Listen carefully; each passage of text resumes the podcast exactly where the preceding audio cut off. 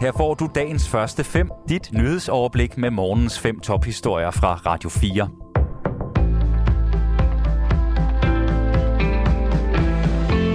Det er torsdag den 11. august. Mit navn er Henrik Møring.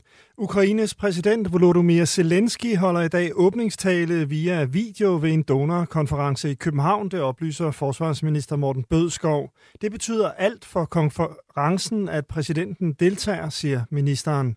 Øh, det er en meget stor ære for Danmark. Øh, det er en meget stor ære for øh, os, der deltager i konferencen, at han vil bruge sin tid midt i en krig på at, at åbne vores konference og være i dialog med os om det, der er det vigtige, nemlig hvordan sikrer vi fremtidige våbendonationer til Ukraine Konferencen afholdes på Christiansborg.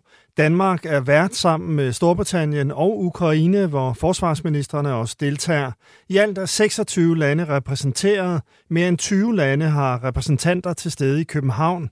Konferencen markerer starten på tredje fase af støtten til Ukraine, fortæller Morten Bødskov. Det er øh, i det hele taget en konference, øh, som skal være med til at sikre, at når krigen den ser ud til at blive lang, Øh, så har øh, Ukraine en tryghed i, at øh, våbendonationerne fortsætter. Danmark lover ved konferencen at donere 820 millioner kroner til den ukrainske hær. Med det nye bidrag er Danmark oppe på at have støttet Ukraine med over 3 milliarder, siden landet blev invaderet af Rusland den 24. februar. En russisk militær lufthavn på Krimhaløen blev i forgårs voldsomt beskadiget efter en række eksplosioner. Flere russiske kampfly blev også ødelagt, viser satellitbilleder, skriver BBC. Saki-basen ligger på den vestlige del af den russisk annekterede halvø, omtrent 300 km fra ukrainske stillinger. Ukraine har ikke taget skylden for angrebet, men de nye satellitbilleder peger i retning af muligheden for et målrettet angreb. Regeringen vil sige undskyld til dem, som er blevet udsat for overgreb og mangelfuld omsorg i særforsorgen. Det fortæller Social- og ældreminister Astrid Krav til Information. Thomas Sand fortæller.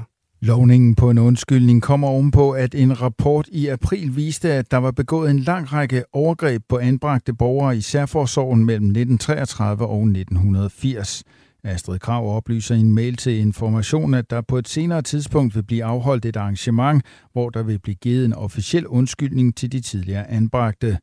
Vi har som den første regering taget ansvar for at få kastet lys over de mørkeste kapitler i historien om vores fælles velfærdssamfund, skriver ministeren blandt andet.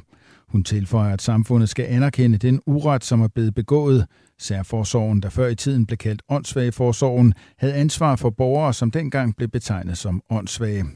De overgreb, som de anbragte borgere blev udsat for, tæller vold, seksuelle overgreb eller unødig brug af magt som fixering eller indespæring. Britisk politi har anholdt et formodet fjerde medlem af en terrorcelle i islamisk stat. Den 38-årige Ain Davis blev anholdt i går aftes efter at være ankommet på et fly fra Tyrkiet.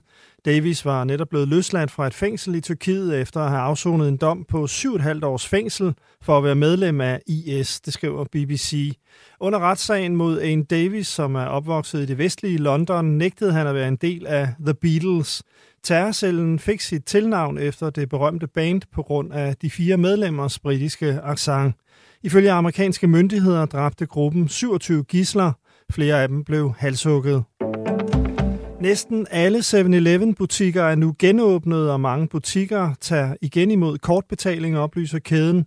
Næsten alle butikker kører igen ved hjælp af et backup-system, siger direktør Jesper Østergaard til TV2. Vores kasseapparater og systemerne bag er låst, og det er de sådan set stadigvæk. Så det, der er lykkedes os, det er at skabe et isoleret system, som minder om det, vi havde, og som gør, at vi kan begynde at genåbne butikker.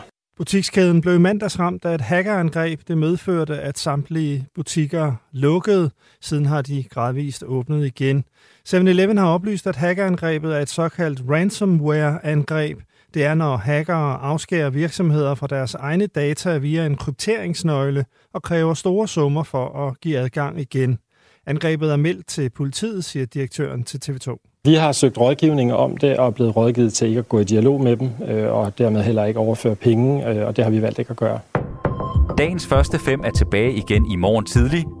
Hvis du har brug for en nyhedsopdatering inden da, kan du altid fange os i radioen, på nettet og i vores app. Vi høres ved til dagens første fem fra Radio 4.